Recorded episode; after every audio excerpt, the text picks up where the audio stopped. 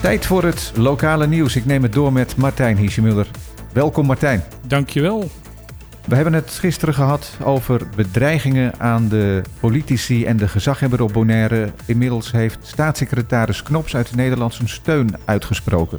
Ja, die weet waarover die praat, want hij is ook al eens een keer bedreigd. Ik ben bang uh, heel veel Nederlandse politici. Hij zegt van ja, laat je er niet uh, door uh, van de wijs brengen. En als ik erg mee kan helpen, dan hoor ik het graag. Ik wil er graag nog iets aan toevoegen. Wat mij opvalt is dat het eigenlijk heel raar is. Er zijn gisteren vijf mensen bedreigd. En er worden er maar vier in de krant genoemd. Ja, het ging om die vier gedeputeerden van de huidige coalitie. De ja, Kroon, Den Heijer, uh, Tina Sjoe en de gezaghebber. Oh ja, zo was het, ja. Maar Ramosita Boy is ook bedreigd. Leider van UPB en de architect van Caribisch Nederland. Dus wat zouden we daaruit op kunnen maken? Uh, dat deze mensen, of persoon of personen, iets hebben tegen de constructie die er op dit moment is met Nederland en daar dus tegen ageren. Wat zou die steun die Knops aanbiedt concreet kunnen betekenen? Nou, ik ben bang in, in, in praktijk niet zoveel. Dus echt gewoon een hart onder de riem steken. Het is hard onder de riem steken. Het belangrijkste is dat eindelijk eens een keer de justitie hier het serieus gaat nemen. Gaan ja, nemen. dat is wel nodig. Er is een hoge dwangsom opgelegd aan het Chococo Resort Bonaire, het toeristencomplex dat bij de Oude Rotonde gestalte krijgt. Ja, dat, uh, dat uh, resort is van TUI. Dat is door TUI daar neergezet. En die blijken zich aan geen enkele milieuverordening hebben, te hebben gehouden. Die hebben gewoon een, enorm hoeveelheid zand daar neergegooid. Geïmporteerd uit Frans-Guyana.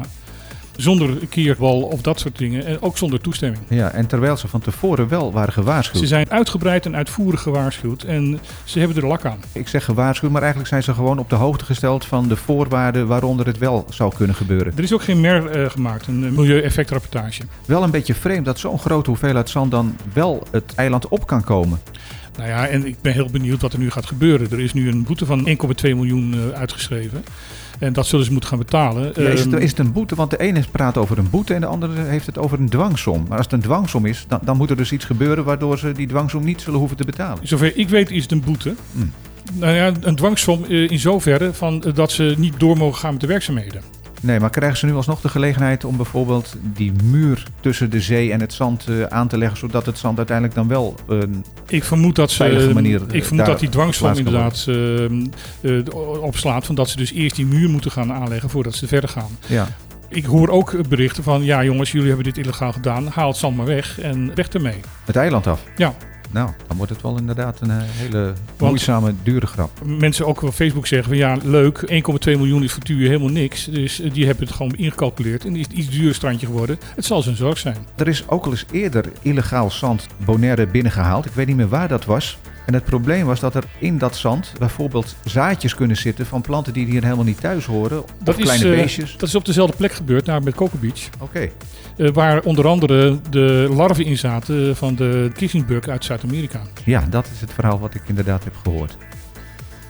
Bewindslieden van EZK die schuiven wederom de verduurzamingsplannen van Web voor zich uit.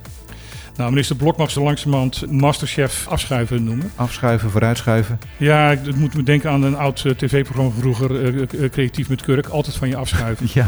Hij heeft dus nu gezegd van ja... Uh, ja wat is dat verduurzamingsplan? Het verduurzamingsplan is eigenlijk gewoon nog helemaal niet duidelijk. Oké. Okay. Tenminste, vanuit de regering. vanuit het web is dat heel erg duidelijk. Uh, die hebben allemaal plannen om 80% van de huidige energiebehoefte duurzaam te maken. En dat zou ook een enorme kostenreductie zijn. Dus meer uit wind- en zonne-energie? Meer uit wind- en zonne-energie. Ze zitten zelfs uh, te denken over uh, waterenergie, de golfslag. Ja, getijdenenergie. Getijdenenergie, maar ook golfslagenergie. En dat is heel erg interessant. En wat de minister alleen maar er tegenover kan zetten, is van dat via Bonaire brandstofterminals er 10 miljoen is gereserveerd voor verduurzaming. En dat is het.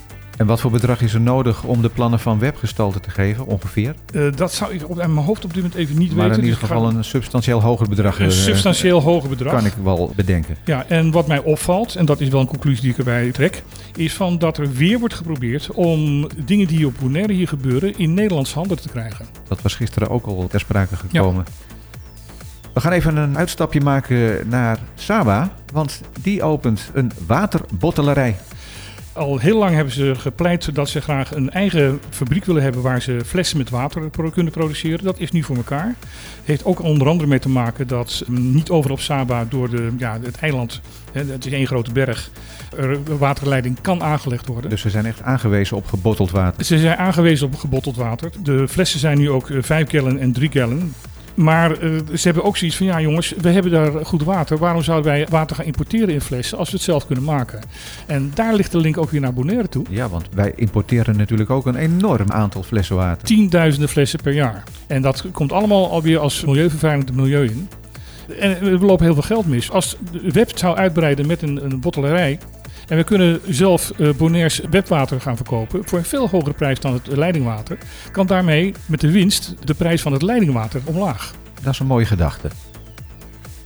Er is al lang sprake van overlast door de landfill hier op Bonaire. Daar wordt nu wat aan gedaan. Ja, er wordt nu wat aan gedaan. Ze zijn bezig met de buurtvereniging van Lacoen.